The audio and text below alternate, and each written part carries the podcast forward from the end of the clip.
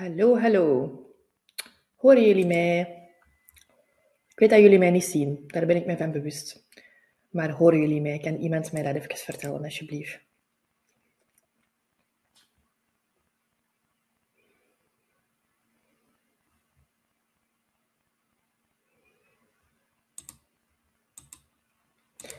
Anybody, somebody, joepie. Oké, super. Voilà, dan gaan we daaraan beginnen. Hè. Ehm, ik ga een beetje switchen. Hier ben ik dan.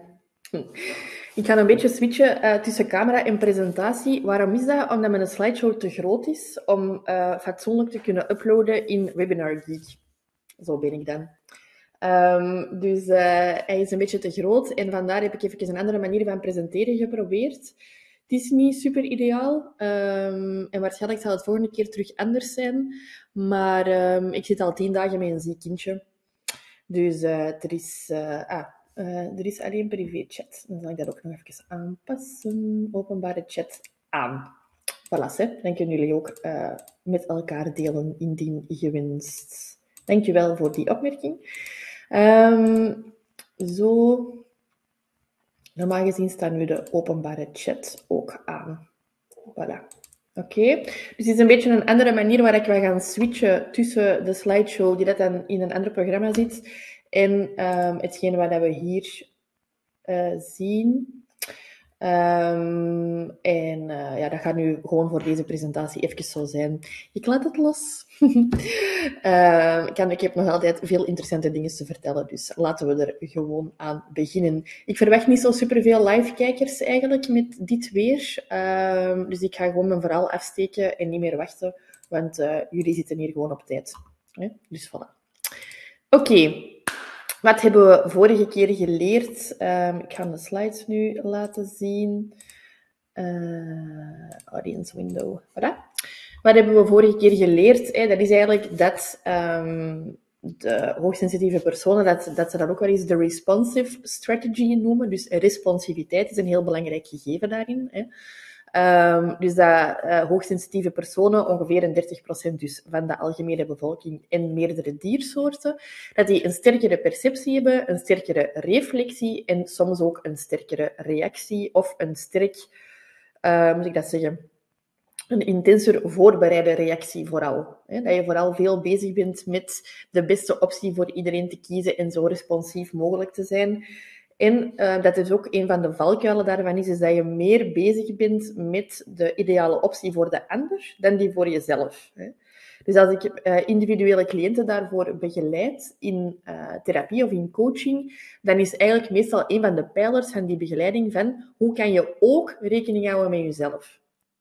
En ik ga daar een beetje in tegen wat dat um, op social media en zo super populaire posts zijn van Hey, hou rekening met jezelf en zet jezelf op de eerste plaats. Oké. Ergens is dat ook wel zo, maar langs de andere kant blijven wij ook wel echt sociale dieren. Hè? Dus het gaat heel vaak heel moeilijk zijn om in die mindset te geraken van zet jezelf op de eerste plaats en alleen jezelf op de eerste plaats enzovoort.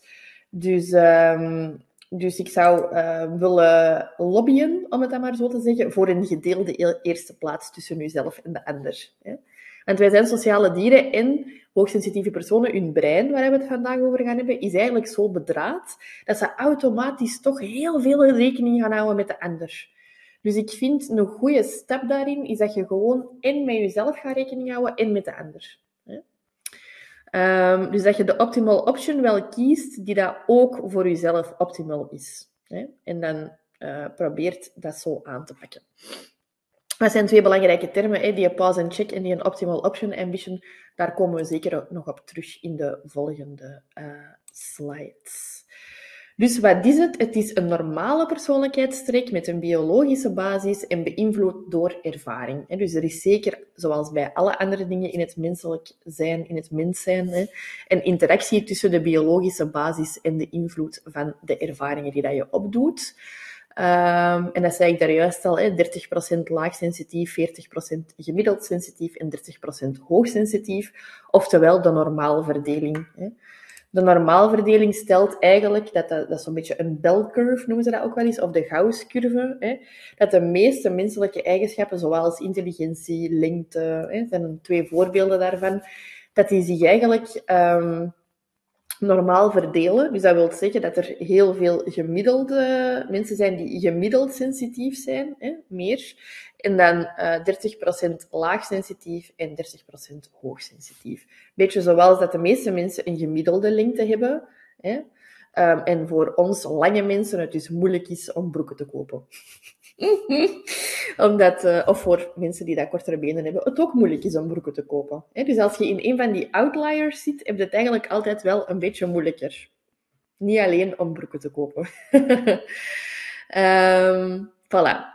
Een strategie die gekend is bij meer dan 100 diersoorten, waaronder de mens, want de mens blijft nog altijd een dier. Voilà. Oké, dus ik heb jullie eigenlijk um, vorige keer ook verteld over hoe benaderen we dat dan. Hoe benaderen we gewoon de mens? Hè? En hoe benaderen we dus ook hoogsensitiviteit? We gaan een beetje het onderscheid maken, en zeker ook in deze cursus. Ik ben hier zo van alle bewegingen aan het maken, maar jullie zien mij niet wel speciaal, maar oké. We maken het onderscheid tussen um, biologie, denken, doen, omgeving, archetypisch, dus wat is typisch voor mensen, wat is typisch voor hoogsensitieve personen, en ons bestaan en ons ervaren. Dus wat dat je meemaakt zit daar ook een beetje in, maar ook je waarden, je voldoening, je levensdoelen, je emoties en zo voort. Dus we maken wat categoriekjes, want dat is gewoon uh, gemakkelijker eigenlijk om bepaalde zaken op een gestructureerde manier te kunnen benaderen. En de eerste module dus van uh, de volledige cursus, die gaat dan over brain, body en behavior. En daar gaan we het ook vandaag in deze slideshow over hebben. Dus ik heb dan even uitgelicht en een overzichtje gemaakt van hoe dat het in elkaar zit. Vandaag gaan we het hebben over biologie, archetypisch of types van hoogsensitiviteit en doen. Wat doet je nu? En dan in module 2 of de volgende webinar gaan we het hebben over denken. In module 3 of de webinar daarna gaan we het hebben over uh, bestaan en ervaren. En in module 4 of de uh, webinar daarna, daarna, webinar daarna dus, gaan we het dan hebben over uw omgeving. Dus dat is eigenlijk een beetje het overzichtje van um, de verschillende delen van deze reeks van webinars of van de online cursus als je die hebt. Voilà, Brain. Ik heb ooit uh, het boek van Dick Swaap gekocht, Wij zijn ons brein. Dat staat op mijn Kindle. En ik had daar eigenlijk wel veel weerstand tegen, moet ik eerlijk zeggen. Um, maar eigenlijk na al die boeken te lezen en uh, ook een aantal van zijn poulains hè, of van zijn mede-onderzoekers te verslinden, kan ik alleen maar zeggen dat wat hij zegt eigenlijk mooi overeenkomt met hetgeen wat ik ervaar in de praktijk van mensen te begeleiden. Hè. De kennis van ons brein is eigenlijk heel belangrijk en essentieel in het leiden van een bewust leven. Ga over zo wat meer de filosofische of ethische discussie van zijn mensen dan gelijkgesteld met het brein? Dat laat ik een beetje in het midden. Dat gaat een beetje te ver voor deze webinar. Um, ik weet wel zeker dat als we ons brein voldoende verstaan, dat dat wel helpt om een gelukkiger en meer gebalanceerd uh, leven te leiden. En zeker en vast ook als hoogsensitieve persoon. Hè. Dus vandaar dat ik uh, dat wel een belangrijk elementje vind van deze online uh, webinars of cursus. Als we dan gaan kijken van hè, wat zit er dan in dat brein, um, qua, allez, dus het hoogsensitieve brein, hè, waar heeft dat invloed op? Op dus het sterker opmerken van subtiele signalen en details. Dat is dus een onderdeel van die uh, hoogsensitieve way of life of the responsive strategy. En op het actieve reflecteren over de eigen respons in de relatie tot anderen, waardoor dat ze sneller bijleren en groeien. Dus dat is zo perceptie en dan dat nadenken over. Ja? Daar heeft ons brein, het hoogsensitieve brein, dus heel veel impact op. Um, en we gaan nu even meer kijken naar wat doet dat hoogsensitieve brein en waar speelt stress daar een rol in. Oké, dat was een verkeerd pijltje. Voilà.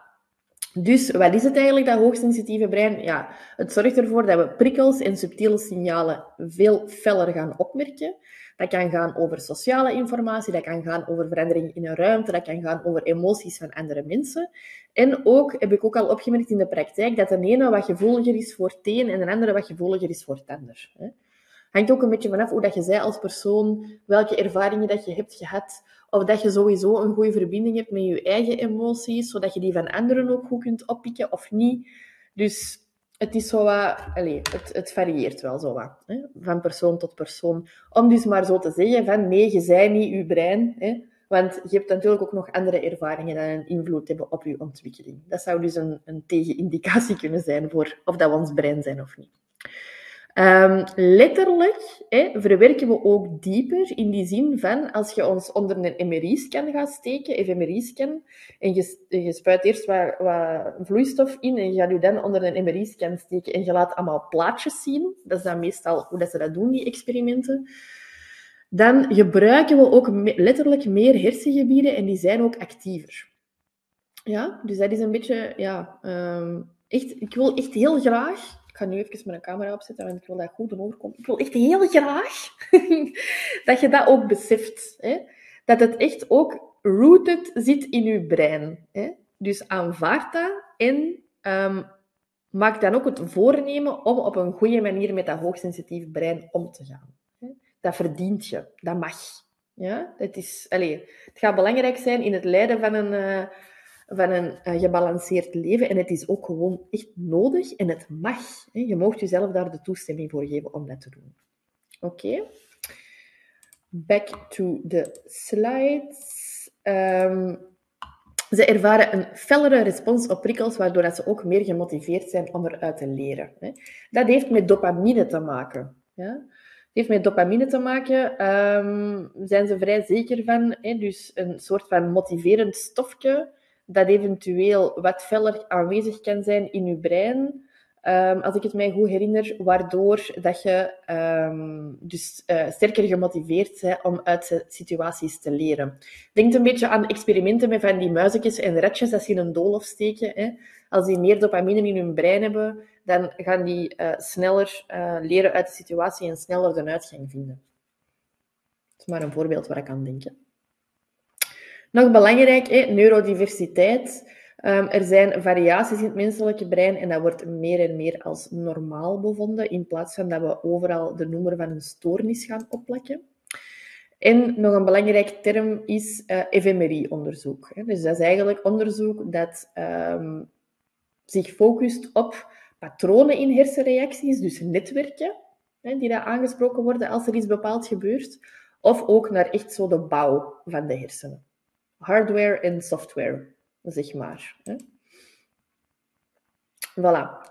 Wat komt er nu uit het onderzoek van SPS? En SPS is de wetenschappelijke benaming van um, hoogsensitiviteit. Hè, dus Sensory Processing Sensitivity hebben ze dat genoemd. Um, dus um, ik had al gezegd dat meer hersengebieden feller oplichten. En het zijn vooral de gebieden met onze neurale wifi, wordt dat dan genoemd, of spiegelneuronen. Onder andere de insula. De insula is een gebied in uw brein dat bijvoorbeeld uh, ook uh, te maken heeft met interoceptie. En interoceptie is honger, eigenlijk dat je je eigen lichamelijke signalen kunt opmerken. En ik maak soms mopjes over hangry, hè, dat hoogsensitieve personen sneller hangry zijn. Maar dat heeft dus met die insula te maken en met die interoceptie, dat je dus eigenlijk ook innerlijke prikkels heel sterk ervaart. Ja? Dus daarom word je hangry of ja, word je boos als je dorst hebt. Of als je naar het toilet moet of zo, of weet ik het veel. Hè? Um, omdat eigenlijk die insula dus feller oplicht. Uh, maar dat zou ook een poortje kunnen zijn naar bijvoorbeeld gemakkelijker paniekaanvallen ervaren. Hè? Omdat je de spanning in je lichaam, je ademhaling, eigenlijk al die dingen gewoon feller opmerkt. De insula um, speelt ook een rol in het bewustzijn van je eigen wezen, in het afstemmen op anderen, um, en is ook een link tussen emotie en cognitie, dus tussen voelen en denken. Ja? Dus die ligt sneller op en ik heb dat eigenlijk een beetje de integrator genoemd. Dus een integrator gaat er eigenlijk voor zorgen, die een insula gaat er eigenlijk voor zorgen dat denken en voelen een beetje met elkaar geïntegreerd worden. Uh, en dat je dus ook um, meer emotionele signalen en meer rationele signalen met elkaar kunt verbinden. De valkuil daarvan is natuurlijk dat je ook sterker kunt blijven hangen tussen denken en voelen. He, daar is een beetje een liedje bij mij opgegaan, omdat ik dat heel hard merk en daar soms ook wat mopjes over maak met mijn cliënten. He, dat wij geneigd zijn om heel snel te blijven hangen tussen zo denken en voelen en denken en voelen en denken en voelen. Maar eigenlijk um, minder vlot tot actie overgaan soms. Dat heeft dus te maken, in mijn beleving dan, he, dat lijkt mij een logische stap, dat dat te maken heeft met die insula die dat dan wat feller oplicht. Oké? Um, en je hebt dus diverse... Je, je hebt dus diverse netwerken in je brein. Um, het Default Mode Network, het Salience Network en het Central Executive Network. Die dat eigenlijk feller oplichten um, wanneer uh, dat je een hoogsensitief persoon... Of als je een hoogsensitief persoon bent maar ook de mediale prefrontale cortex, ons sociale brein, en de dorsolaterale prefrontale cortex, die daarin staat voor complexe taken en beslissingen, gaan dus eigenlijk actiever zijn, gaan feller oplichten bij hoogsensitieve personen. Ook de gebieden, ik weet dat dit allemaal even heel droog is, maar ik wil dat gewoon even infuseren bij jullie, hè, zodat je echt beseft van, ah, mijn brein werkt echt anders, hè, of werkt echt intenser, zodat je dat ook echt kunt aanvaarden, dat je soms anders reageert op situaties dan, dan niet hoogsensitieve mensen in uw buurt. Dus meer activatie ook in de gebieden die gelinkt zijn aan emotieverwerking, maar niet per se in zo de fight, flight, freeze, fun respons. Dus um, het is niet zo dat je een groter oermensje in je hebt of zo. Nee. Het is meer de meer complexere emotieverwerking. Bijvoorbeeld cognitieve empathie of theory of mind zijn zaken dat je even kunt gaan opzoeken. Dus het zich inleven in andere mensen en daar allemaal rekening mee houden, dat gaat eigenlijk uh, feller uh, zijn. Dat gaat feller oplichten als je hoogsensitief bent. En het is ook meer activatie bij het zien van positieve beelden. Dus dat vind ik wel belangrijk om even aan te geven, omdat ja, in de literatuur zijn hoogsensitieve personen heel vaak omschreven als zo neuroten. Hè, mensen die neurotischer zijn, die meer stress hebben, die meer um, last hebben van uh, lastige emoties, hè, um, die instabieler zijn, labieler zijn. Allee, er is al van alles opgeplakt. Maar hier hebben ze dus ook bewezen dat er ook meer activatie is in de hersenen bij het zien van positieve beelden. Zoals dat meestal gezien wordt bij extraversie en niet per se bij negatieve um, dus niet enkel bij negatieve beelden, waardoor dat je zou denken, ja, het zijn gewoon neuroten. um, dus dat is niet. En het is ook niet zo dat je um, per se een pleaser zij of zo, naar je, naar je, naar uh, inner circle of zo. Het is ook bij vreemden hè, dat het feller oplicht. Dus ook als jij gewoon kaartjes krijgt, voorgeschoteld, hè, in die fMRI-scanner dan, van vreemde mensen, gaat het nog altijd feller oplichten. Dus dat vind ik wel een belangrijke om aan te geven. Van, het is niet dat, dat je per se, um, weet ik veel, uh, in je opvoeding dingen hebt meegekregen waardoor dat je um, iedereen wilt pleasen in je inner circle. Ja? Oké. Omgaan met het hoogsensitieve brein. Mijn advies. Um, ja, ik kan nog heel veel vertellen over die hersenen en mannetjes, maar um, in die webinar hebben we daar gewoon niet genoeg ruimte voor. Um, ik nodig jullie uit om uh, eventueel uh, de volgende keer eens de, de volledige cursus uh, aan te kopen als je dat wilt, want daar gaat er meer uitleg over krijgen. Of je kunt ook gaan kijken naar de website van Esther Bergsma. Esther Bergsma heeft een boek geschreven over het hoogsensitieve brein. Als je dat graag helemaal doorleest, het is wel redelijk dus die termen dat er juist op die slide stonden, dat is maar het begin, bij wijze van spreken. Dus je moet wel goesting hebben om heel theo een theoretisch boek wat te doorploegen. Ja? Dus ik zeg het maar, voordat je hem aankoopt. Maar ga, ga gewoon eens kijken op de website van Esther Bergsma. Hè. Dan uh, kun je daar ook wel meer info uithalen, zonder het boek per se te kopen. Dus, mijn advies voor om te gaan met het hoogsensitieve brein is, durf die neurale wifi ook afzetten. Hè. Je moet er niet altijd iets mee doen. Ook al merk je iets op wat dat er aan het gebeuren is. Um, of zo, stel nu dat je sociale informatie opmerkt, iemand zegt iets en iemand anders, je ziet dat hij eigenlijk gekwetst daarop reageert.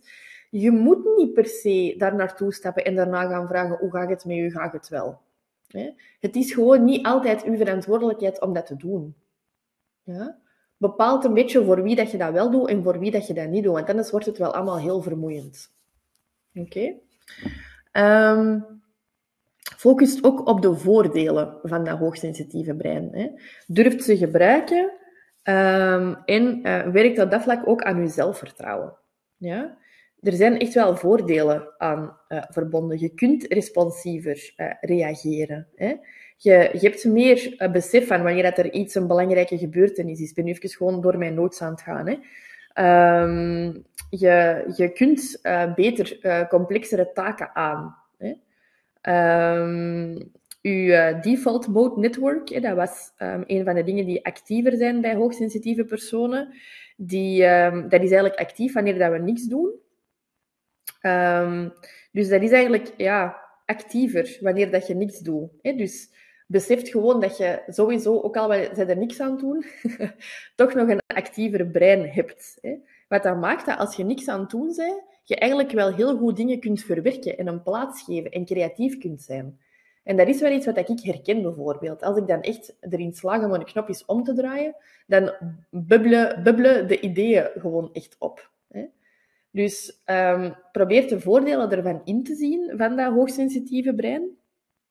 Um, zoek daar nog wat dingen, verder wat dingen over op als je wilt. Hè. Um, en, en zet die voordelen in. Hè. Uh, zet bijvoorbeeld in je team in dat je meer feeling hebt voor het sociale. Hè. Um, zet in dat je eigenlijk wel best wel zelfinzicht hebt. Hè. Zet in dat je meer nadenkt over hoe dat jij overkomt op iemand anders. Versterk daarmee je teams, versterk daarmee je sociale relaties, versterk daarmee de relatie met je baas bijvoorbeeld. Hè. Um, en dat uh, default mode network, dat dus actief is als we niet actief zijn, hè, dat maakt ook dan continu zo simulaties en voorspellingen. Dus maakt gebruik van die downtime, plant die genoeg in en reap de benefits hè, van die downtime, omdat je brein dan eigenlijk de mogelijkheid heeft gehad om allemaal simulaties en voorspellingen te maken voor de toekomst. Ik vraag mij nu wel af, uh, we zijn met niet zoveel voor de live, maar ik zou toch graag willen weten, en dan zal ik mezelf even terug laten zien, of dat jullie dat herkennen. Zo van dat default mode network, dat als je niks doet, um, dat je dan precies ineens daarna met veel meer ideeën en strategieën en simulaties en voorspellingen en ja, herkennen jullie dat? Ik ben eigenlijk wel benieuwd.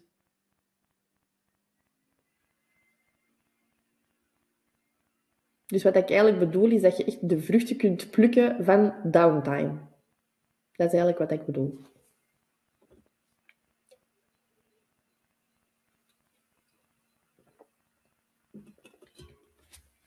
Heel herkenbaar. Hoera! Vind ik altijd goed, hè? want ik, ja, ik ben dan wel een psycholoog en zo, en ik lees heel graag die artikels en ik maak graag presentaties, maar ik wil dan toch ook wel graag dat dat echt een link heeft met de realiteit en met jullie beleving. Dat vind ik wel echt heel belangrijk. Dus. Oké. Okay. Zoepa. Voilà. Um, terug even naar de slides. Mijn derde tip is, ga er proactief en preventief mee om. Ik groei daar nog altijd in. Ik kan daar heel, heel eerlijk in zijn. Zo kennen jullie mij ook. Um, die proactiviteit, ja, tenzij dat je de downtime doorbrengt in een zeer drukke stad, maar dan is het misschien ook geen downtime. Helemaal. Hè? Dus dat kan ook wel het geval zijn. Um, die proactiviteit en die preventiviteit is um, een moeilijke, vind ik. Ik kan dat heel goed wanneer dat ik niet overprikkeld ben, maar wanneer dat ik per ongeluk toch overprikkeld geraak, duurt dat mij wel even voordat ik terugdenk van, ah ja, Lin, zo moest je daarmee omgaan. Hè? Dus mm, op dat vlak denk je dat het een hele goede. Uh, Uw HSS was wel heel blij, ja. Um, op dat vlak gaat, is het belangrijk om goede gewoontes uh, te ontwikkelen. Hè? En daarom zit er ook um, een, een videotraining over gewoontes in de cursus. Omdat als je goede gewoontes hebt, dan maakt het eigenlijk niet uit of dat je overprikkeld geraakt. Je vangt dat dan wel op met die gewoontes. Beetje zoals dat je, als je altijd een onderhoud plant hè, voor je auto en je plant dat op voorhand in, dan kan je auto ook niet kapot gaan of zo. Ineens onverwacht. dat kan altijd natuurlijk. Hè? En je kunt altijd onverwachte situaties meemaken. Maar als je onderhoud inplant, dus als je een vast proces hebt voor iets te onderhouden, dan is de kans kleiner dat er akkefietjes gebeuren, om het dan maar zo te zeggen. Dus probeer met die overprikkeling ook proactief, preventief, probeer daarmee om te gaan. Um, en je weet ook ondertussen wel of niet, dat ik nu niet meer van buiten, maar dat hoogsensitiviteit, als je moeilijke dingen meemaakt, vroeger of nu, een beetje een poortje kan zijn. Een, beetje een verzwakt poortje kan zijn, zonder slotje, hè, naar um, angst en depressie en burn-out. Dus wees u bewust van die signalen. Hè. Als je een paar keer in die week moe opstaat, doet er iets aan. Als je voelt dat je heel hard aan het piekeren bent, doet er iets aan. Als je voelt dat je heel hard last hebt van een schuldgevoel, wat dat bij depressie hoort, doet daar iets aan. Dus ga ermee aan de slag, deel het, plant je week anders, zeg dingen af, zorg voor downtime. Dus zorg ervoor dat als je brein richting de valkuilen begint te gaan, dat je terug um, teruggrijpt naar goede gewoontes en dingen die dat je weet dat helpt om je brein uh, terug fris te maken. Ja? Oké, want anders, hè? natuurlijk nog even, um, um, wat zeggen ze dan? De stok in de. Nee, ik weet het niet meer. In ieder geval, wat um, gebeurt er als je dat dus niet doet? Als je er niet goed mee omgaat met dat brein, dan kan het zijn dat je, je immuunsysteem gaat overreageren. Kan het zijn uiteraard dat je overprikkeld gaat geraken, dat je meer stress gaat ervaren, dat je sneller moe gaat zijn, dat je een versterkte respons hebt op interne prikkels zoals koffie, pijn en honger. Dat is altijd trouwens. Hè? Dus als je, maar als je daar niet goed mee omgaat, als je dat niet goed weet, als je wel te veel koffie drinkt, als je wel je eten te hard uitstelt, um, als je, um, ja, ik weet het niet, wanneer leid je pijn als je te hard sport of zo. Hè? Um, je bent daar gevoeliger voor, dus let daarmee op. Het kan ook zijn dat je onderprikkeld bent. Hè? Dus in mijn ervaring, die hoogsensitiviteit leidt er ook wel toe, maar dat is ook wel een beetje die een HSS waarschijnlijk, hè, die een sensation seeking. En ik heb wel interessante prikkels nodig. Ik zit hier nu zo wat op en neer te springen op mijn stoel en in mijn handjes te klappen. Hè. Um, ik heb wel prikkels nodig om blij te zijn. Hè. Dus zie ook wel dat je niet onderprikkeld geraakt, want dat is ook belangrijk. Als je overprikkeld bent of je gaat niet goed om met dat hoogsensitieve brein, kunt, zet je ook soms minder goed in staat om te filteren. Je filter geraakt wat overbelast. En concentratieproblemen, dat is ook nog iets.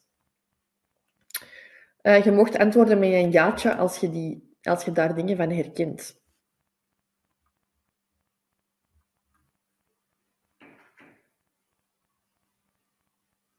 Moet ik nog eens teruggaan naar de slide?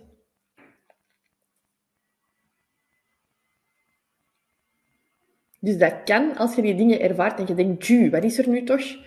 Kan dus aan die hoogsensitiviteit liggen. Hè? En kijk dan eens wat dat je eventueel kunt doen. ja, met een dubbel uitroepteken, voilà. Dus ik neem aan dat je het goed herkent. Dan gaan we eens even kijken naar, ik had gezegd brain en body. Hè? Dus body um, heb ik dan stress uh, gepakt, omdat ik dat toch wel een heel relevant topic vind, um, lichamelijk. Nu, wat ik ook nog wel belangrijk vind, is, denk echt, um, houd er echt rekening mee dat je gevoeliger zijn voor stoffen die dat je centraal zenuwstelsel beïnvloeden. Hè. Dus um, koffie, uh, alcohol, uh, ja, suiker eigenlijk op een bepaalde manier ook. Hè. Die, dat gaat ook je, lichamelijke processen beïnvloeden. Dus houd daar rekening mee. Hè. Die pieken en die dalen zijn eigenlijk niet zo goed. Voor geen enkele mens, maar zeker niet voor hoogsensitieve personen. Ja. Um, en ook um, zo hongergevoel, dorstgevoel, te warm, te koud. Dat zijn allemaal zaken die, die niet zo goed zijn. Hè? Die eigenlijk veel aandacht gaan vragen. Dus pamper je eigen maar een beetje op dat vlak. Dat gaat ervoor zorgen dat je weer al wat meer marge hebt en weer al wat minder ten prooi valt aan de overprikkeling. Zie dat je gewoon altijd jezelf in goede omstandigheden zit. Op dat vlak. Oké, stress. Um, Feiten over de beleving van stress. Wat is er belangrijk? Ons lichaam is echt snel in het opmerken van gevaarlijke situaties. Hm? Die gevaarlijke situaties zorgen dan voor een stressrespons. En die stressrespons beïnvloedt onze fysiologie, heel vaak door middel van ons centraal zenuwstelsel, met name processen zoals bloeddruk, bloedsuikerniveau, lichaamstemperatuur, hartslag, verteringsprocessen, spierspanning enzovoort. Ja? Dus het is maar een piekje van stress en floep, heel onze fysiologie begint eraan te werken om die stress te overkomen. Veel van die processen verlopen onbewust, hè? maar dat wil niet zeggen dat we ze niet opmerken natuurlijk. En zeker niet bij die hoogsensitieve personen, omdat je die sterkere interoceptie hebt. Dus interoceptie wil zeggen dat je um, lichamelijke, dus innerlijke signalen feller opmerkt. Um, wil dat niet zeggen, omdat die onbewust aangestuurd worden, dat je ze niet opmerkt. Ja, dus dat vind ik wel een belangrijke uh, opmerking daarbij. Ons brein beslist dus, sneller of trager, hè, of dat we die stressrespons gaan activeren. En elk brein is anders, daarom reageren we niet allemaal gelijk op stress. En het hoogsensitieve brein is qua categorie dan ook al gewoon anders. Oké. Um, survival of the fittest. Um, wat wil ik hier eigenlijk mee zeggen met deze slide? Ik wil eigenlijk gewoon zeggen, ons stresssysteem is nog hetzelfde als dat van de vis. Als je al eerder een webinar over stress bij mij hebt gevolgd, dan weet je dat al. Hè? Dus um, onze evolutie is veel te snel gegaan voor ons systeem. En dus ook de evolutie van onze omgeving. Van agrarische revolutie, over industriële revolutie en nu de digitale revolutie waarin dat we zitten. Dat is eigenlijk veel te snel gegaan voor de evolutie van onze biologie. Dus ons stresssysteem is totaal, maar totaal niet uitgerust voor de omgeving waarin dat wij nu wonen, tenzij dat je op een boerderij woont in de Blit. Oké? Um, ehm, 200.000 jaar geleden begon de Homo sapiens op deze aardbol rond te lopen. 30 jaar geleden ontstond het internet. Ja? Dus we hebben totaal biologisch geen tijd gehad om die, die revoluties die dat er zijn geweest bij te benen. Ja? En als je al de webinar over stress hebt gevolgd, dan uh, kent je deze slide ook al. Hè? Dus dat is eigenlijk hoe dat ons systeem in elkaar zit, is we zijn kalm, we zijn rustig, er komt een tijger op ons af, of een stressor. Hè? Je begint spanning te voelen, je begint onrust te voelen, dat bereikt een piek en je schiet in actie, waardoor dat je gaat lopen en je klimt in een boom om te ontsnappen van die tijger. Uh, je hebt stress en je bent echt beladen, hè, geladen eigenlijk, opgeladen, totdat die tijger terug verdwijnt, waardoor dat je systeem denkt, joepie, hè, nu moeten we ontladen, ontstressen, voordat we terug in rust kunnen komen en dus kunnen ontspannen. Ja? Um, het probleem daarbij natuurlijk is dat geen tijgers niet meer zijn, maar gewoon continue, een continue stroom van prikkels dat op ons afkomt. Hè. En ook dat we vaak niet de kans hebben om te ontladen. Dat zijn twee grote problemen daarbij. Hè. Dus um, we zitten heel vaak stil, we zitten heel vaak naar een computer te kijken of in de auto of uh, weet ik veel. Um, en ons lichaam heeft dus niet meer dezelfde ontladingsmogelijkheid als toen dat we in de oertijd moesten gaan lopen of gingen dansen rond het vuur omdat we, een tijger, omdat we waren ontsnapt aan een tijger. Dus bedenk dan, wat deden ze in de oertijd om te ontladen en vind uw eigen manier. Kom ik ze nog op terug. Nog even hier, wat doet ons systeem automatisch als we een bedreiging ervaren? Is het innerlijk, is het uiterlijk? We gaan in fight, flight of freeze. Dus fight is we gaan vechten tegen de tijger. Flight is we gaan lopen van een tijger. Freeze is we gaan plat op de grond liggen en hopen dat hij ons niet ziet. Fawn is we gaan proberen de tijger uh, tegemoet te komen eigenlijk. Dus we gaan ons aanpassen. Bij wijze van spreken, je geeft een tijger een stek en je hoopt dat hem daar content mee is. dat is fawn. Uh, en die tijger blijft dan rond je dorpje rondlopen en je blijft die stekken geven. Dus op de lange termijn uh, vervelend. Flop wil zeggen dat je flauw valt. En dissociatie, dat is eigenlijk ook iets meer op de lange termijn. Zeg je van, oké, ik heb iets heel brut meegemaakt en ik ga nu gewoon al mijn gevoelens daarbij en de herinneringen daarbij en alles wat ik daarbij ervaren heb, in een doosje steken. Dat doosje gaat toe en dat doosje gaat in de kelder. En het kelderluik gaat toe. Ja? Dus de ervaring is er nog wel. In brainspotting noemen ze dat traumacapsules. Hè? Dus dat is een combinatie van herinneringen, gedachten, gevoelens en gedrag. Um, en je sluit die eigenlijk af, maar die blijven wel hangen in je systeem. waarbij dat je dus uh, daar wel wat last van kunt hebben. Ik spreek uit ervaring. Um, dus dat waren echt de klassieke traumaresponses, allez, of uh, ja, traumaresponses of uh, stressresponses. Eigenlijk de manier waarop dat ons lichaam gaat reageren als er gevaar is. En um, moet je dus weten daarbij dat er differentiële susceptibiliteit bestaat. En dat wil dus zeggen dat HSP's heel goed kunnen reageren op positieve, maar dus ook heel fel kunnen reageren op negatieve omstandigheden. Ja? Dus ik zeg dat in, de praktijk, en sommigen onder jullie weten dat wel, denk ik, uh, als de zeven lagen van de hemel en de zeven lagen van de hel van hoogsensitiviteit. Hè.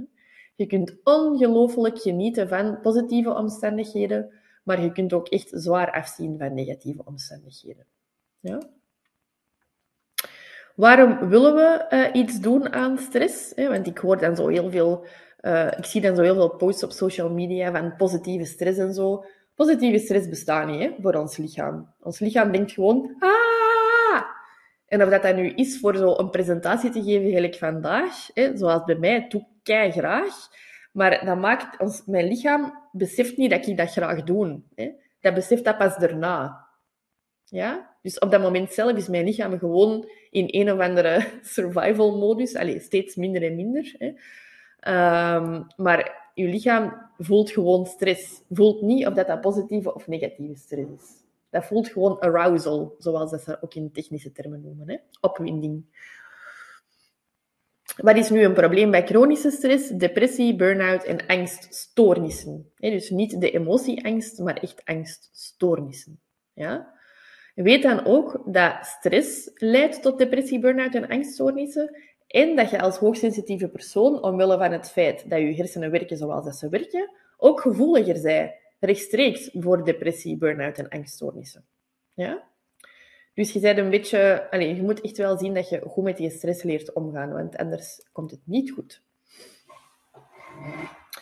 Het is een gebrek aan capaciteit, burn-out. Het is niet van ik ben niet gemotiveerd, of ik ben niet geïnteresseerd, of ik wil niet werken, of weet ik het veel. Het is gewoon een gebrek aan capaciteit. Oké? En uw capaciteit in uw brein, en dat is niet zo leuk om te horen, maar het is toch zo, wordt eigenlijk al voor een stukje meer ingenomen door die sterkere perceptie, die diepere verwerking en dat, dat nog feller voorbereiden van uw reacties en nadenken over uw reacties. Dus dat is een beetje het, het idee van, uh, uw batterijken is misschien niet per se kleiner, maar wordt wel wat sneller leeggetrokken door het feit dat je die hoogsensitieve hersen hebt. Oké. Stress en de nervus vagus. Wat is de nervus vagus? Dat is de tiende hersenzenuw. En die zorgt eigenlijk ook voor communicatie tussen lichaam en hersenen, net zoals dat ons um, ruggenmerg dat doet. Het speelt een belangrijke rol in verlaging van stress- en angstgevoelens. Ja? De nervus vagus, of de tiende hersenzenuw, dat is eigenlijk een hele um, uh, belangrijke hersenzenuw, ook voor hoogsensitieve personen. Hoe gaat je nu om met dat hoogsensitieve lichaam? Ik kom nog terug op de nervus vagus trouwens, hè. dat was niet gewoon random. Um, omgaan met dat hoogsensitieve lichaam, hoe doe je dat nu? Ja, eerst accepten en committen. Acceptance and commitment therapy is ook een stroming in de psychotherapie. Um, je moet echt de limieten van je lichaam accepteren en er goed mee leren omgaan. Hè? Eigenlijk committen dat je goed voor je lichaam gaat zorgen, want dat is nodig. Niet leuk om te horen, maar het is wel zo. 80% van de tijd zou je eigenlijk met je lichaam moeten omgaan als je echt je goed wilt voelen. Hè? met je lichaam moeten omgaan alsof dat je topsport zou doen. Of, als je echt geen sporter bent, alsof dat je een babytje zou zijn. Ja? Um, om echt even die balans erin te vinden, is dat natuurlijk wel een zeer rigoureuze manier om te leven. Dat weet ik. Hè? Maar zou het wel goed zijn dat je de komende periode gewoon even de vraag stelt: wat ik nu zou doen, zou ik dat ook aan mijn baby geven? of aan een baby, een random baby. Wat ik nu zou doen, zou een topsporter dat ook doen? Dat zijn twee vragen dat je um, zou kunnen stellen. Hè?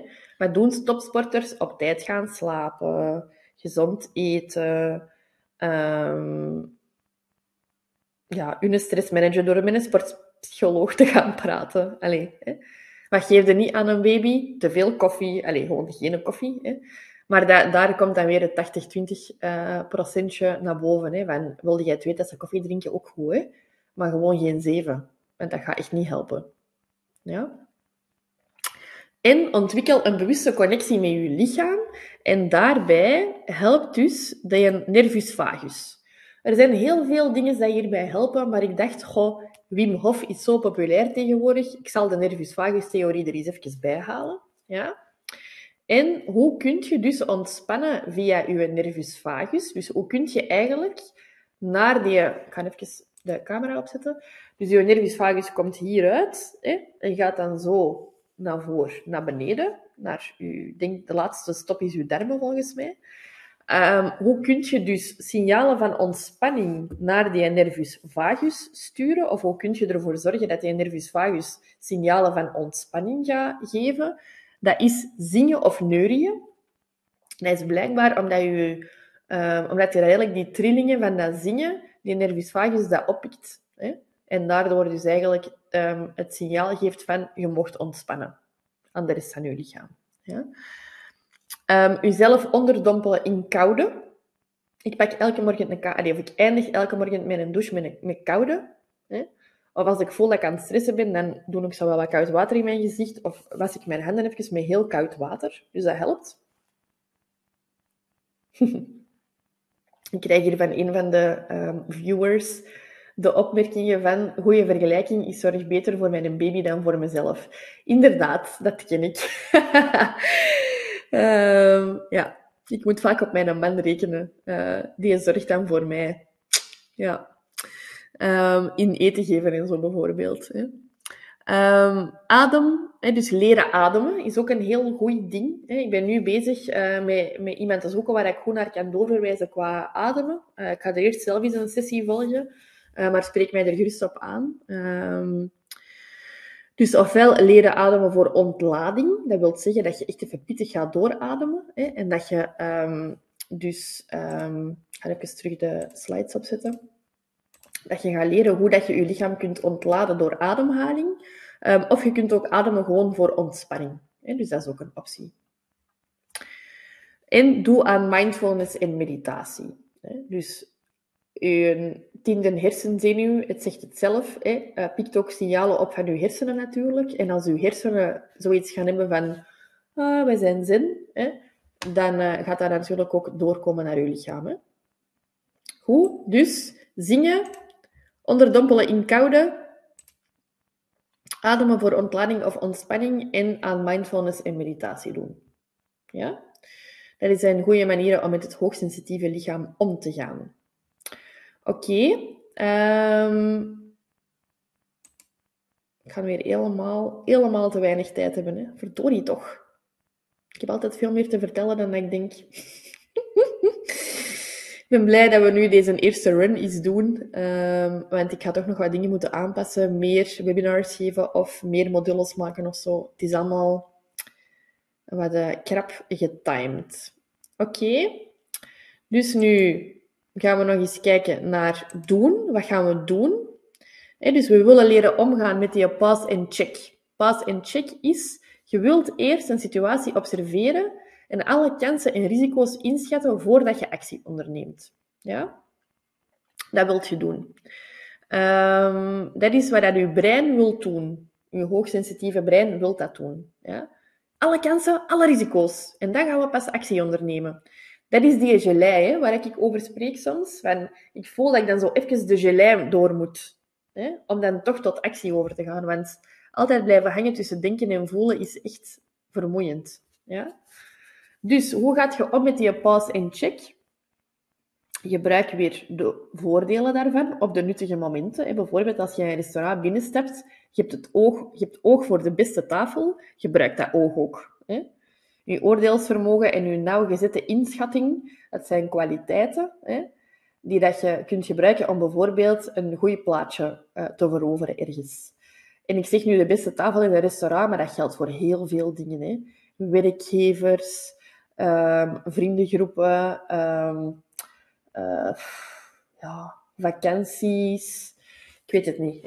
Je kunt dat oordeelsvermogen en nauwgezette inschatting kun je echt op heel veel dingen toepassen, denk ik.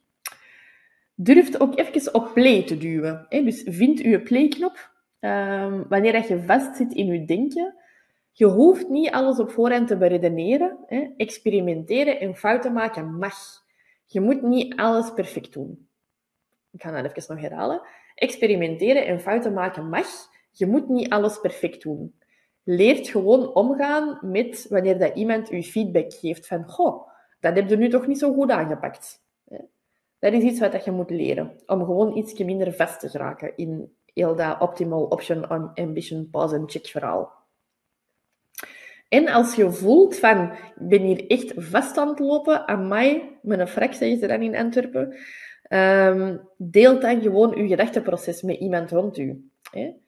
Ik zeg dan tegen mijn man, ja, um, ik wil eigenlijk deze en deze en deze allemaal nog bereiken voordat we binnen vijf minuten moeten vertrekken. Hoe pakken we dat aan? Bijvoorbeeld, hè. het is een voorbeeld, maar toch. Um, deel je denkproces en hoe dat je zou willen reageren met je omgeving. Hè? Terwijl het zich aan het voordoen is, als je voelt dat je vastgeraakt. En je een input kan dan helpen. Mijn man kan dan bijvoorbeeld zeggen... Goh, ga er nu echt hè, al dat meesleuren? Zullen we het niet daarop houden? Dat zal wel voldoende zijn. Of, weet je wat, zal ik deze doen, doe jij dat en dan zijn we op tijd klaar. Bijvoorbeeld. Terwijl dat jij het allemaal in je eigen hoofd aan het beredeneren bent, zijn er dus ook nog mensen met een brein die dat u kunnen helpen. Ja? En dan hebben we nog in, qua gedrag, hè, dus qua doen, die optimal option ambition. En dat is dat je eigenlijk de meest adequate oplossing wilt bieden, zeker voor de andere persoon. Ja? Meer moet ik daar denk ik niet over zeggen. Dat is een goede omschrijving. Hè? Hoe ga je om met die optimal option ambition? In mijn ogen. Je gaat ermee om door jezelf ook eens centraal te willen te zetten met de vraag: wat is nu de beste optie voor mij? Ja? Dus dat doe je eerst. En dan ga je jezelf afvragen van, oké, en wat is de beste optie voor de andere? En wat is daar nu de gulden middenweg tussen? Hm? Ik vind persoonlijk dat als je al overprikkeld zij, dat je iets meer mocht neigen naar wat is de beste optie voor mij, omdat je dan 9 van de 10 meer kans hebt dat je uit je overprikkeling geraakt en dat dat ook een hele goede uh, invloed heeft op je omgeving. Ja? Dus dat is misschien wel een goede manier om daarnaar te kijken. Als je niet overprikkeld bent, doe je echt die redenering van wat is er goed voor mij, wat is er goed voor de anderen en wat is daar de gulden middenweg tussen. Dat is eigenlijk een manier um, om ervoor te zorgen dat je niet overprikkeld geraakt. En als je al overprikkeld bent en het kan, dan zet je jezelf wat meer centraal om uit de overprikkeling te geraken. Oké? Okay? Um, breek dan ook los dat is echt iets, hè, dat is echt een ball and chain soms. Vandaar ook de emotie, of de afbeelding dat ik gekozen heb, breekt echt los van dat overdreven verantwoordelijkheidsgevoel voor de groep. Set yourself free, heb ik eronder geschreven, maar dat is ook echt.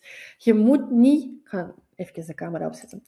Je moet niet, niet, je bent niet verantwoordelijk voor de hele groep. Niet. Oké? Niet, niet, niet. je moet er niet voor zorgen dat iedereen... Het is niet uw verantwoordelijkheid om ervoor te zorgen dat iedereen zich goed voelt. Dat is wel wat dat uw brein wil doen. Hè? Optimal option ambition, insula, spiegelneuronen spelen allemaal een rol daarin.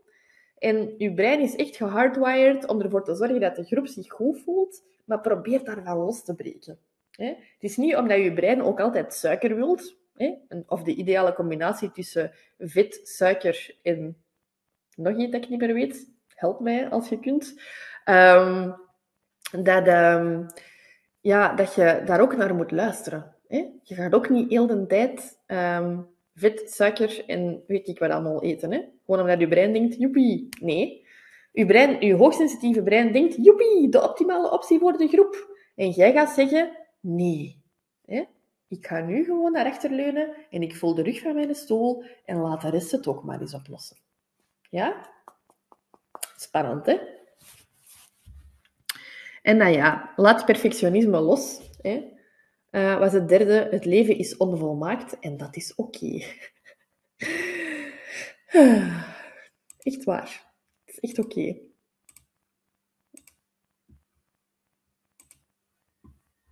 Goed.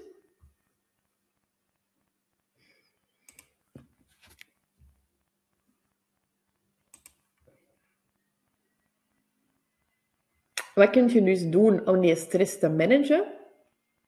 Wat helpt er bij stress? Hè? Algemeen, wat helpt er bij stress? Voorspelbaarheid, een gevoel van controle, ehm, toekomstperspectief, een uitlaatklep en steun. Dat zijn de vijf dingen hè, die dan bijvoorbeeld die uit het boek komen um, Why Zebras Don't Get Ulcers. Hè, dat is een heel bekend handboek, boek, handboek over stress. En uit onderzoek blijkt dat dat de dingen zijn die dan het meeste helpen bij stress. Voorspelbaarheid, een gevoel van controle, toekomstperspectief, uitlaatklep en steun. Oké? Dus als je nu eenmaal, want soms is het leven zo, hè, dat je in een stressvolle periode zit, probeer dan die dingen een beetje erbij te pakken. Hè. Probeer um, even terug te gaan naar voorspelbaarheid, dus naar routine en eenvoud als je wat overprikkeld bent. Um, als je dus controle mist, ga dan zoeken naar waar dat je wel controle over kunt krijgen. Dus kijk naar de cijfers, maak een planning op, poetst, ruimt op. Hè, onderneemt dus zaken waar dat je een gevoel van controle van krijgt. Um, toekomstperspectief is, zorgt voor eilandjes van rust in de toekomst. Probeert rustige en drukkere periodes met elkaar af te wisselen. Zodat je zo wat eilandjes van rust kunt hebben. Vergeet niet te ontladen. Je kunt moeilijk ontspannen als je niet eerst de spanning ontladen hebt. Hoe ontlaat je spanning? Sporten, dansen, seks. um, ademen kan ook. Uh, ja, zijn er al een paar. Je kunt ook gewoon spanning ontladen, googlen en zien wat dat zegt. Hè? Steun, zoek actief hulp of deel je zorgen. Durf ook te vragen en te nemen. Je geeft 9 van de 10 al genoeg, want je brein is daarop gehardwired om te geven. Hè? Dus je geeft 9 van de 10 al genoeg. Je mocht ook soms dingen vragen. Dat is echt oké. Ja? Oké. Dus in de, uh, uh, in de cursus ga je dan ook nog wat trainingen en dingen krijgen over goede gewoontes ontwikkelen. Hm? Wat doen hoogsensitieve personen nu ook? Die gaan, of wat zit er nog zo wat in dat doen-luikje? Betere presteren, maar meer stress ervaren wanneer er een prestatie geleverd moet worden. Sterker, sneller en adequater reageren op sociale en emotionele prikkels. Dat is die optimal option ambition. En er sterker uit willen leren om te verbeteren tegen de volgende keer. Ja? Dat is ook met die dopamine heeft dat te maken. Maar ook bij over- of onderprikkeling zich terugtrekken, in een soort van shutdown gaan. En bij faalangst ofwel een heel passieve strategie hanteren, Um, er wordt hier de vraag gesteld wat het eigen is aan HSP, dat hulpvragen moeilijk is of dat dat persoonlijk is. Um, denk allebei een beetje. Dus persoonlijkheid is um, uiteraard ook gewoon wie dat je zij, nature, nurture, welke genen dat je hebt, hoe dat je geboren wordt en welke invloed dat dat heeft. Je kunt bijvoorbeeld nooit veel hulp gekregen hebben, waardoor dat het moeilijk is voor u om hulp te vragen. Dat is puur gebaseerd op nurture, op de ervaringen dat je hebt opgedaan. Hè. Um, een hoogsensitieve persoon, zijn brein, is meer bedraad om um, ervoor te zorgen dat anderen het goed hebben en minder ervoor te zorgen dat je het zelf goed hebt. Dus hersenmatig is dat ook gewoon moeilijker. En natuurlijk kun je ook de twee hebben. Je kunt uh, opgegroeid zijn uh, dat er eigenlijk weinig hulp werd aangeboden, of dat er moeilijk werd omgegaan met wanneer je hulp vroeg. En je kunt hoogsensitief zijn. Dus allebei eigenlijk. Oké? Uh, dus bij phalanx kan het zijn dat je ofwel een heel passieve strategie hanteert, vermijding, vermijden, uitstelgedrag, ofwel een overactieve strategie. Blijven gaan tot het perfect is. Dat was bijvoorbeeld bij mij een eerste webinar zo, dat ik tot 12 uur de nacht ervoor bezig ben geweest aan mijn slideshow om die perfect te krijgen. Ondertussen ben ik daar al een beetje in gegroeid. Hè. En dat blijft ook allemaal zo wanneer dat ze dus controleren, hè, dus wanneer dat ze de eigenschap neuroticisme eruit halen in het onderzoek. Hè. Dus het heeft niks te maken met neuroticisme. Het heeft gewoon te maken, of dat je neurotisch bent of niet, het heeft gewoon te maken met die hoogsensitiviteit. Deze wil ik nog wel even bespreken vandaag. En dan uh, vrees ik dat de HSS'ers weer even gaan moeten wachten op hun omschrijving van HSS. Ik weet nog niet hoe ik dat ga oplossen. Ofwel steek ik dat in de cursus, ofwel um, kijk ik of dat nog in de volgende webinars past, ofwel ga ik daar um, een, ja, dat opnemen en dat doorsturen of zo naar de mensen die zich hebben ingeschreven in het webinar ook. Maar ik krijg het precies maar niet bij. Dus um, de HSS'ers, je gaat niet op je honger blijven zitten. Het komt eraan. Hè? Maar um, ik denk altijd dat ik nog tijd heb om dat te vertellen en dan is dat toch niet. Dus ik rond dan liever redelijk tijdig af. En um, het HSS-stukje, uh, dat komt er in ieder geval aan. Oké? Dus, als je gaat kijken naar hoogsensitieve personen en doen, actie ondernemen, plannen, doelen behalen enzovoort, spelen daar drie uh, systemen een, uh, een, rol in. En dit komt uit het boek um, Prikkels bijten niet van Maaike Kruisen. Hè. Dus welk, um, welke systemen spelen daar een rol in? Uw Behavior Inhibition System, of BIS. Dat maakt dat je meer pauze neemt voordat je actie onderneemt. Je kijkt als het ware eerst even de kat uit de boom. Dat is de gelei waar ik over spreek. Hè. Dat systeem heeft een sterke relatie met het gelukstofje serotonine. Serotonine is eigenlijk een stofje dat zorgt voor rust. Ja? Voordat je rust, rustig bent en content. Klassieke HSP's, dus niet de HSS'ers, hebben, een vrij, meestal een sterkere BIS. Dus Behavior Inhibition System, maar maakt dat je eigenlijk je eigen een beetje tegenhoudt. Hè? Rustig zijn, van aard. En dan heb je nog het Behavior Approach of Activation System, en dat is het BAS. Dat maakt dat je sneller overgaat tot actie. Je bent impulsiever en je denkt minder na voordat je iets onderneemt. Dit systeem heeft een nauwe relatie met het gelukstofje dopamine. HSS-HSP, dus de sensatiezoekende, hoogsensitieve personen, hebben een sterker bas. Wat dat, niet, natuurlijk niet betekent dat ze niet meer rust nodig hebben, want je weet dat je brein dus harder werkt en dat dat dus ook meer tijd nodig heeft om te, om te recupereren. Ja? En dan hebben we nog het Sensation Seeking System of SSS, het sensatiebenaderingssysteem, het stofje MAO, monoamine oxidase volgens mij, breekt de gelukstofjes net af, dus serotonine, dopamine, waardoor dat systeem er waarschijnlijk voor zorgt dat je telkens nieuwe ervaringen nodig hebt om je gelukkig te voelen.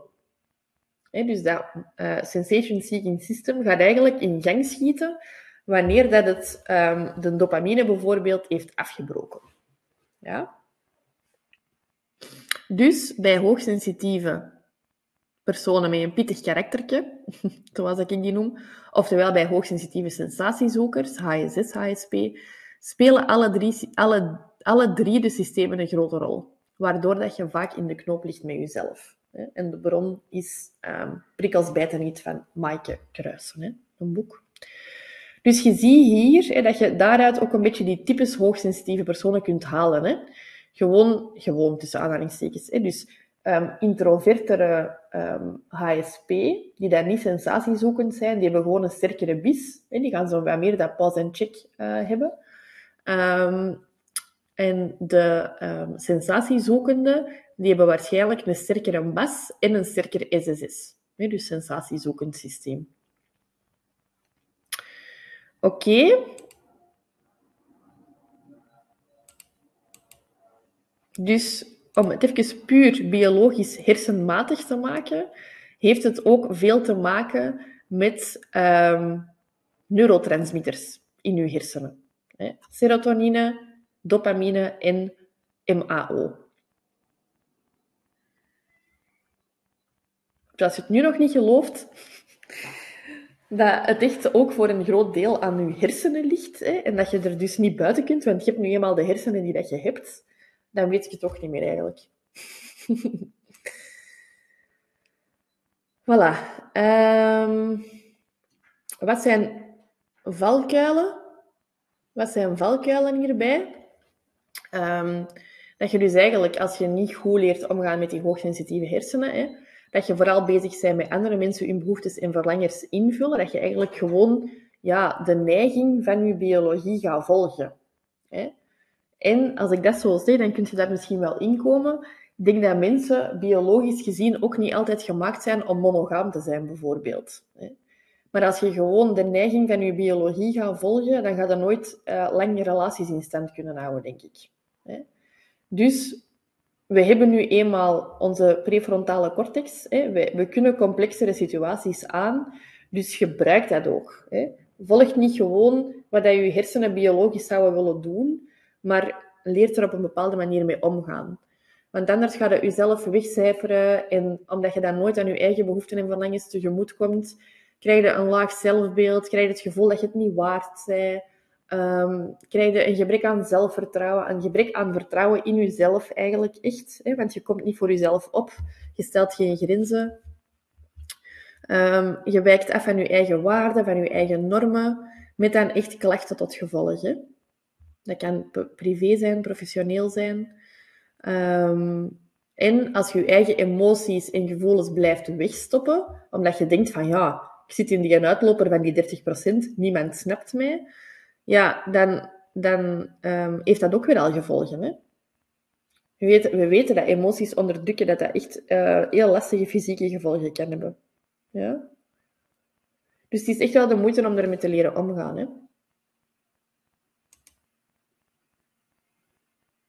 Want anders hè,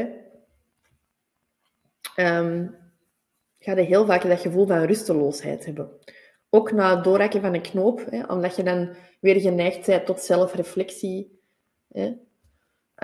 Um, als je dus niet goed omgaat met die overprikkeling met dat brein, dan ga het sneller vermijden of terugtrekken uh, bij intense prikkels. Of ga je ja, veel leuke dingen missen, omdat je het eigenlijk niet meer aan kunt. Hè.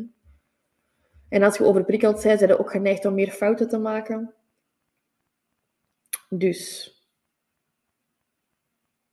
te weinig zelfzorg met overprikkeling, overspanning en burn-out tot gevolg, als je geen rekening houdt met die biologie. Wat is het goede nieuws? Het goede nieuws is dat er ook een grote vantage sensitivity is. Ik ben bijna klaar zo trouwens. Dat er uh, een grotere vantage sensitivity is, dus dat HSP's ook vaak sterker reageren op positieve interventies. Dus dat is wel handig als je echt gaat werken aan die gewoonte als je echt gaat werken aan die stress, als je echt gaat werken aan um, ja, een beetje meer gaan leren over hoe dat je hersenen in elkaar zitten en um, um, hoe dat je daarmee moet omgaan, dan ga je ook echt snel de voordelen daarvan kunnen plukken. Ja? Voilà, ik ga het hierbij houden voor vandaag, want we zitten op een uur en zeven. Um, en ik had normaal gezien nog gepland om het dan over het HSS-type te hebben, eventjes. Um, maar um, ja, ofwel ga ik daar nog een webinar voor inplannen uh, om dat te doen, om dat even als aparte webinar te doen, want het is gewoon te veel anders. Ofwel ga ik dat opnemen en bezorgen. Eén van de twee. Ik zal daar nog even over nadenken. Goed. Een beetje feedback vind ik altijd leuk. Leerrijk, te technisch. Um, wat vonden we ervan?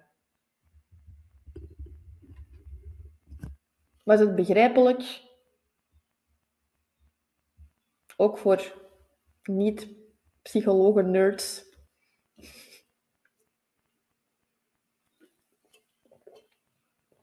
Tell me.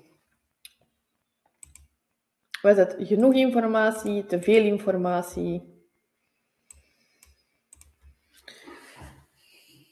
Was dat oké met die praktische handvaten? Of zijn jullie ondertussen allemaal al van het goede weer aan het genieten? dat mag ook.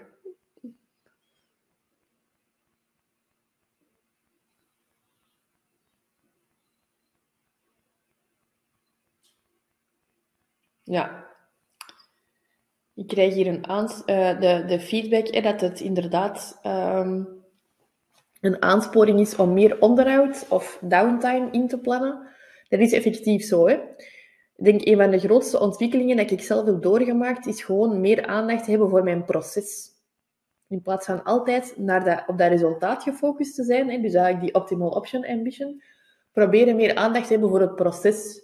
Want als je het proces goed doet, hè, als je gewoon je tijdsblokken inplant en je recuperatietijd en al die dingen, dan plukt je daar heel fel en heel snel de, de vruchten van. Dus ja. Dat zeggen ze ook heel gemakkelijk in de business coaching. Hè. Je behaalt alleen maar het niveau van je processen. Oké. Goed, merci om uh, toch nog met dit mooie weer actief te komen luisteren uh, naar de webinar. Dat apprecieer ik. Um, en um, voor de mensen die de cursus ook hebben, er wordt heel snel uh, van alles in geüpload.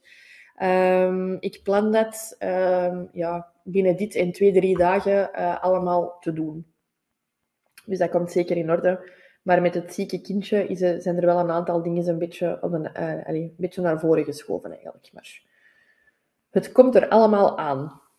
En als je al over gewoontes wilt leren, dat zit er al in. Dat heb ik al geüpload in de uh, videotraining module. Ja. Ja. Krijg je inderdaad ook de feedback dat het redelijk technisch is? Dat is ook zo, hè. Ja, hersenen. Het is zo wat moeilijk. Um, wat ik wel heb gedaan, um, en wat ik zeker ook nog wel verder ga doen, is voor mezelf al zo wat namen geplakt op die verschillende hersengebieden. Zo wat meer figuurtjes. Hè. En dat ga ik, denk ik, uh, verder gebruiken ook, ook in de video's. Dat, je, dat ik bijvoorbeeld niet zeg insula, maar dat ik zeg hè, uh, een, een andere, de integrator of zoiets. Hè. Dus dat we dat op die manier aanpakken. de integrator, de mediator, de regulator en de preparator. Had ik al gedacht. um, dus ja, we zullen zien hoe dat het verder evolueert. Goed, ik zou zeggen, ga aan de slag met de praktische tips. Hè? Um, en laat het mij gerust weten um, of dat, dat lukt. Um, en dan uh, zie ik jullie volgende week al terug hè, voor de volgende webinar over Um, ik ga even hier het overzichtje misschien terug laten zien. Hè. Dus um, volgende week zie ik jullie dan voor de volgende webinar van module 2 over denken. Hè. Dus dat gaat gaan over overtuigingen, over schema's, over automatische gedachten enzovoort. Uh, de slides ook krijgen of enkel de webinar replay. Je kunt de slides zeker ook krijgen. Ik zal daarvoor zorgen. Komt helemaal in orde. Oké, lieve mensen. Ik uh, zie jullie volgende week voor de webinar over denken. Ik ben aan het waaien, maar jullie zien mij niet. Wacht. Tot volgende week. En als er vragen zijn of zo, stuur mij gerust een mailtje. Oké? Tot de volgende.